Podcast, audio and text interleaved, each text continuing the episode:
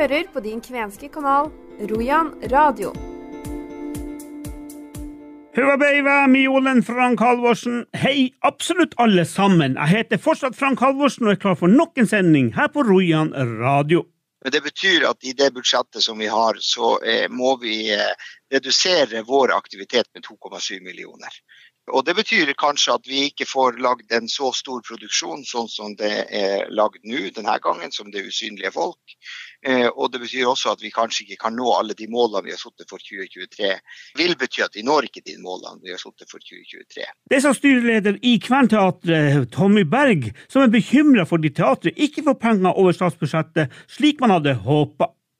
I dag, når denne sendinga pågår, så møter teatersjef Frank Jørstad opp sammen med Inger Birkelund på Stortinget til et avtalt møte med politikerne om den manglende bevilgninga. Vi skal også i dag fortsette opplæringsserien der det å lære kvensk setter helt i høysetet. Men vi begynner dagens sending med at Kventeatret ikke fikk bevilga penger over statsbudsjettet slik man hadde håpa.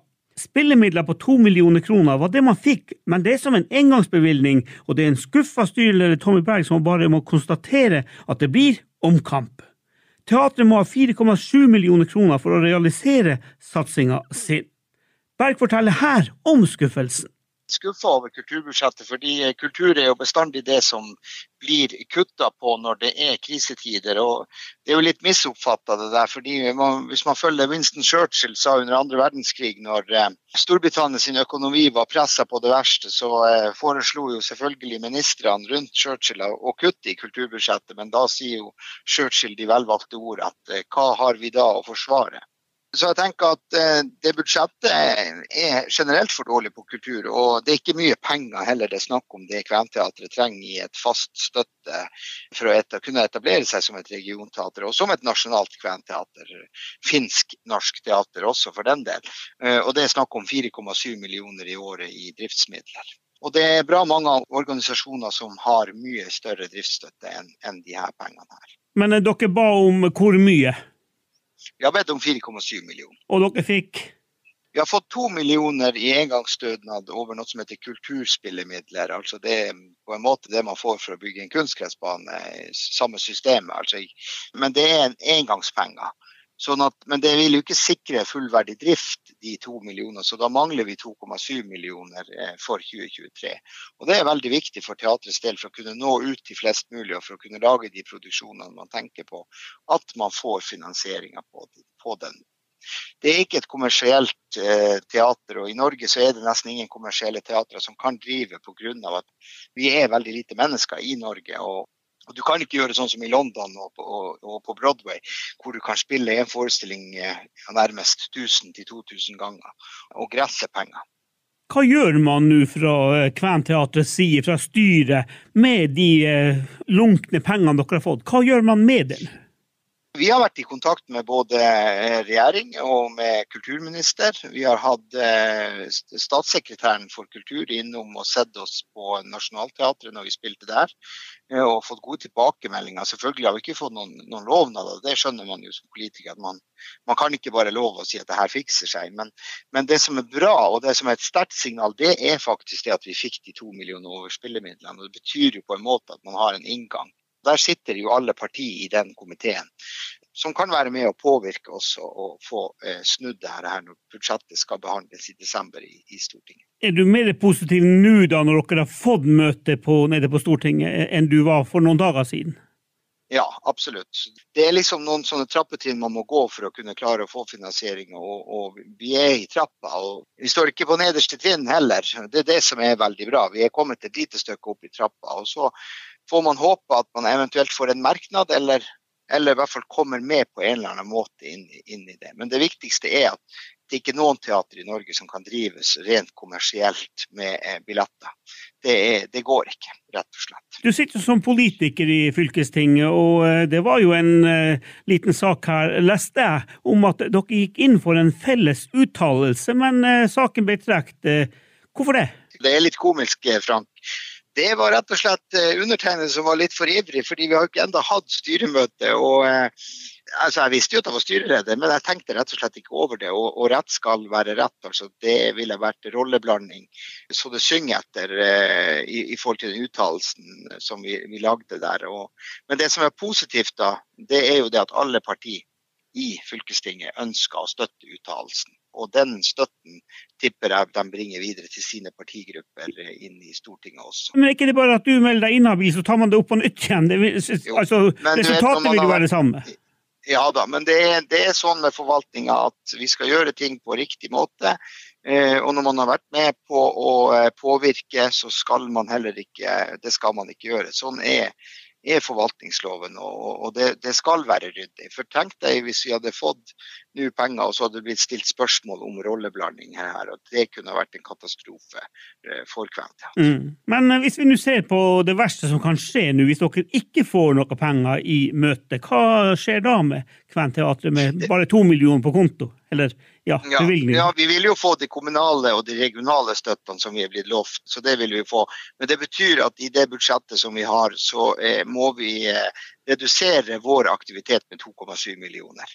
Og Det betyr kanskje at vi ikke får lagd en så stor produksjon sånn som det er lagd nå denne gangen, som det er usynlige folk.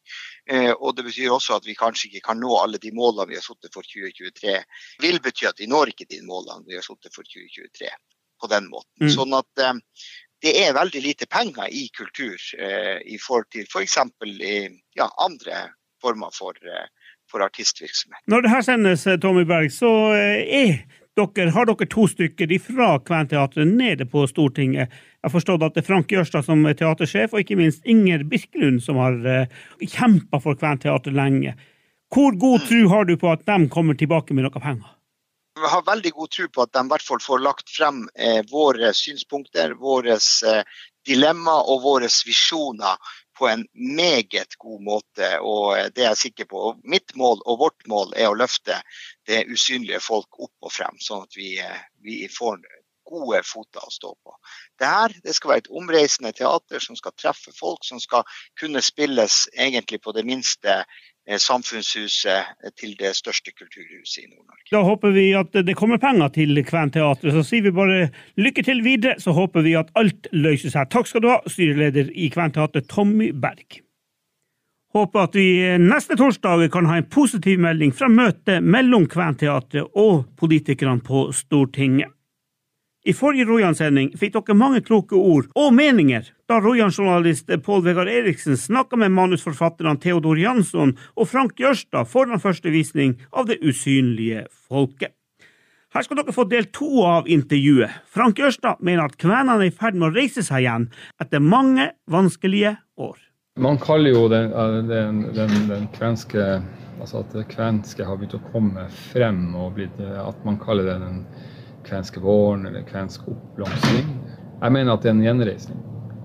Og at det er rett og slett Altså, vi har bygd landet her etter andre verdenskrig, for da ble jo alt her brent ned. Eh, og da er den, den, den måte, materielle, kulturelle måte, Man må bygge hus. Eh, men så hadde jo tidligere hadde vært immaterielle har jo vært knust, brent ned til øde. Av, altså, sånn var det da, hvor man skulle kvitte seg med med det samiske. Man skulle kvitte seg med det kvenske. Og det, jobb, det tok jo tid å få det bort. Og, og, og da mener jeg at når man har den gjenreisninga av Nord-Norge, og da også Norge, eh, det er en fortsettelse. Det er rett og slett Vi bygger tilbake igjen det som faktisk har vært. Men det får jo et, det får et samtidsuttrykk da, eh, nå, som arkitektur også har selvfølgelig. Som, men så, så er, det er rett og slett Vi er ikke ferdig med gjenreisinga av Norge. Vi bygger landet fortsatt.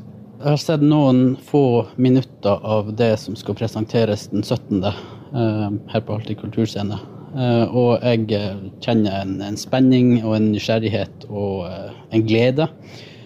Så ser jeg at man fra scenen fra dere utfordrer litt på kvenbegrep den ene skuespilleren sier at uh, han føler seg litt sånn finsk-norsk. Har dere lyst til å si noe om tanken bak det grepet? Ja, altså Det, er, eh, det handler jo om at uh, den diskusjonen der er jo her. skal, man, skal vi ta, snakke om uh, det å være kven i dag, så, så man jo, står man jo i det. Så jeg tenker at det, det, det syns jeg absolutt at man må snakke om og diskutere. For det er en del av en diskusjon, og det, ligger jo drama i det. Og vi liker jo drama. Så jeg vil jo helst ha drama kun på scenen. Eh, men, eh, men, men, eh, virkeligheten er dramatisk, og jeg tenker at det er det. Og, det. og, vi skal snakke om identitet. Og jeg tror på en måte man må, man må peke på ting. Så Nei, det er en del av det hele.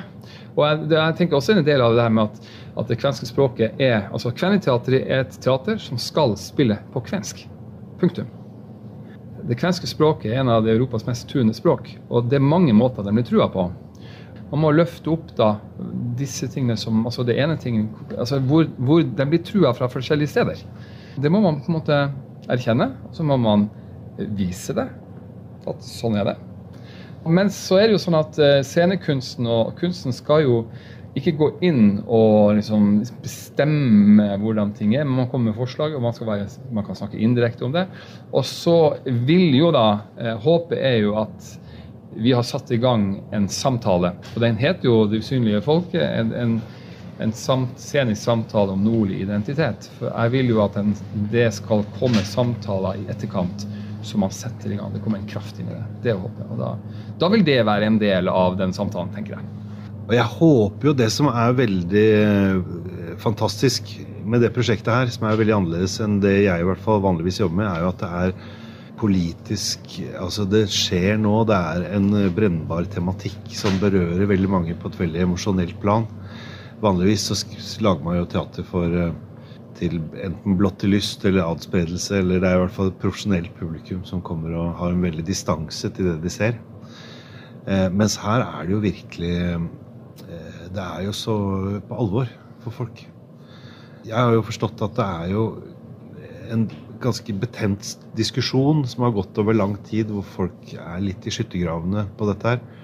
Og der er det jo mulig at det er et lite vindu hvor teatret kan på en måte komme inn med lite tilbud, eller litt, åpne litt for en dialog på en annen måte enn man kan gjøre i andre politiske forum. Så der kan det jo faktisk være at teatret kan eh, bidra litt.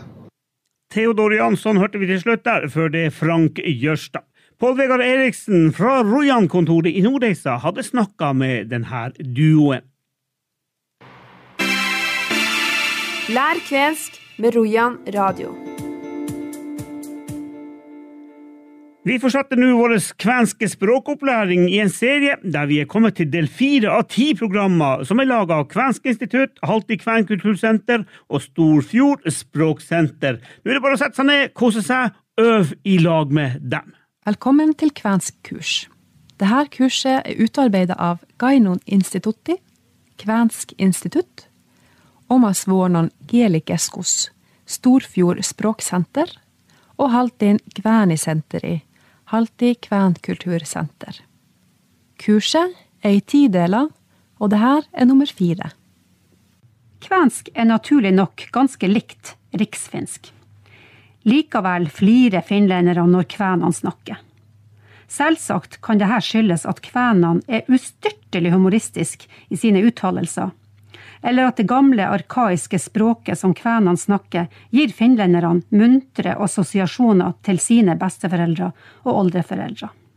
Nordmenn flirer også, men det er altså låneord, eller hyppig bruk av låneord, som ofte blir latterliggjort når kvenene drister seg til å snakke kvensk. Kvensk er et tullespråk der man tar norske ord og legger til en slutt i. Man kan ikke ta folk seriøst når de bruker ord som brøytabili, svingi, søknadi, foldaskjørti, reierinki, appelsini, oppvaskloti og oppvaskbenki. Men jo, i all seriøsitet så kan man faktisk ta folk seriøst, selv om de bruker låneord. Finlenderne er kjent for å ikke bruke så mye låneord, altså at de gjerne gjør som islenderne og finner på egne ord. Men det er en sannhet med modifikasjoner. Bruk av slutt i i internasjonale låneord er den finske måten å håndtere låneord på. Dersom du slår opp i en helt vanlig norsk-finsk ordbok, vil du finne ord som karamelli, traktori, internetti, printeri, gammeli, appelsini og eksempel greipi. Og du er ganske kort om du tror at de norske ordene karamell, traktor, internett, printer, kamel, appelsin og greip er særnorske, ikke innlånte ord. Både norsk, finsk og kvensk låner ord. Ja, alle låner, men kvenene låner altfor mye av norsk, hevder den innbitte kritikeren. Det finske språket er mer ekte. Men la oss se på en kvensk setning som det harseleres mye med. Oppvask kluti on oppvaskbenkele. En finskspråklig tilsvarlighet til denne er for eksempel diskiloto on diskibenkele. På samme måte som oppvaski er lånt av det norske ordet oppvask, er det finske diski lånt av det svenske diska. Loto er av skandinavisk klut, og benki av samme opphav som den kvenske benki. I denne sammenhengen må vi også gjøre lytteren oppmerksom på mangfoldet av låneord som har gått andre veien. Og da tenker vi først og fremst på samiske og kvenske låneord som har vunnet sitt innpass i norsk talespråk i Troms og Finnmark. I de områdene hvor det samiske og det kvenske historisk har stått sterkt, kan man finne flere lånte ord fra kvensk og samisk som brukes som en del av det norske språket. Følgende finurlige setninger med innlånte kvenske uttrykk er fra Skibotn. Herregud, for en homma det blei med det uværet. Homma betyr hast, stress, kaos eller ekstraarbeid. Det blei så vaiva når han far i for. Vaiva betyr i dette eksempelet vantrivelig. Jøssa fader, så mye elamæ det blei med ungene i hus. Elamæ betyr liv, og i dette tilfellet liv og røre. Det var en stygg ompihajo i sjåen. Ompihajo er ordet for innestengt lukt. Nøkkelen henger i den store gilkorien. En gilkori er en hengende dingseboms som f.eks. henger i et nøkkelknippe. Låneordsutveksling mellom språk er et bevis på kontakt mellom folk. Det at det kvenske språket låner av f.eks. norsk, og at norsk har lånt av kvensk, er et historisk dokument som forteller om to folk som har levd side om side. For oss som skal lære oss kvensk, så er det i Guds løkka at kvensk låner og har lånt fra norsk. Det gjør kvensk lettere å lære for deg og meg. Du har kanskje fått med deg rabalderet rundt de svenske barnehagene, som i sin higen etter å ikke overføre tradisjonelle kjønnsmønster til barn, valgte å bytte pronomenene han og hun med et kjønnsnøytralt hen. Det her syns vi er artig. Og denne påstanden er fullstendig blotta for kjønnspolitikk. Vi syns det her er artig, for i kvensk og i de andre slektsspråkene til kvensk, så er det nettopp sånn. Kvensk er et kjønnsløst språk. Vi skiller ikke mellom hankjønn, hokjønn og intetkjønn. Og vi har altså et fellesord for han og ho, nemlig hen. Her får våre små minoritetsspråk vise vei inn i de svenske barnehagene. Strengt talt så byr det her sjelden på problem. Pronomenene han og ho, eller hen, viser tilbake til en bestemt person i en tekst eller samtale. Og som oftest så vet vi altså om denne bestemte personen er en gutt eller ei jente. Dersom vi på døde liv må skille mellom gutter og jenter, så må vi ta i bruk ordene for gutt. Boika. Og jente. Tutter. For å gjøre forvirringa komplett, så kan vi bruke ordet Boika. For både gutt og sønn. Og ordet tutter For jente og datter. Så la oss øve på setninger der vi definerer folk som gutter eller jenter, og hvor vi bruker spørreordet Kuka. Altså hvem. Kuka hen on? Hvem er han eller hun eller det om person? Hen on Sara. Sara on tytär. Kuka hän on? Hän on Gustav. Gustav on poika. Nå kan dere altså spørre ved å bruke Kuka. Dere vet at Hen betyr han eller ho. At on betyr er. At oiga betyr gutt, og tutter betyr jente. Anna-Kajsa og Trygg sitter sammen. Folk går forbi på gata. kuka hän on? kuka kuka, tuo poika. Ei, koto tytär. Hän on Saara. Aa, Saara. Joo, Saara on fysioterapeutin tytär. Mie ei ymmärrä et kväck. Saara on advokaatin tytär. Trygg. Ymmärrys kom frem. Fysioterapeutti on Saaran mamma ja advokaatti on Saaran pappa. Kerran vielä. Saaran mamma on fysioterapeutti. Saaran pappa on advokaatti. Hyvä Trygg. Vi avslutter med sangen 'Garamelli', Og det er en sang som handler om karameller og karamellenes farer. Hvis du spiser 100 karameller, så får du makk i tennene. Med disse ordene ønsker vi å takke for oss for denne gangen. Gidos. Ja näkemiin. Ja kuulemiin.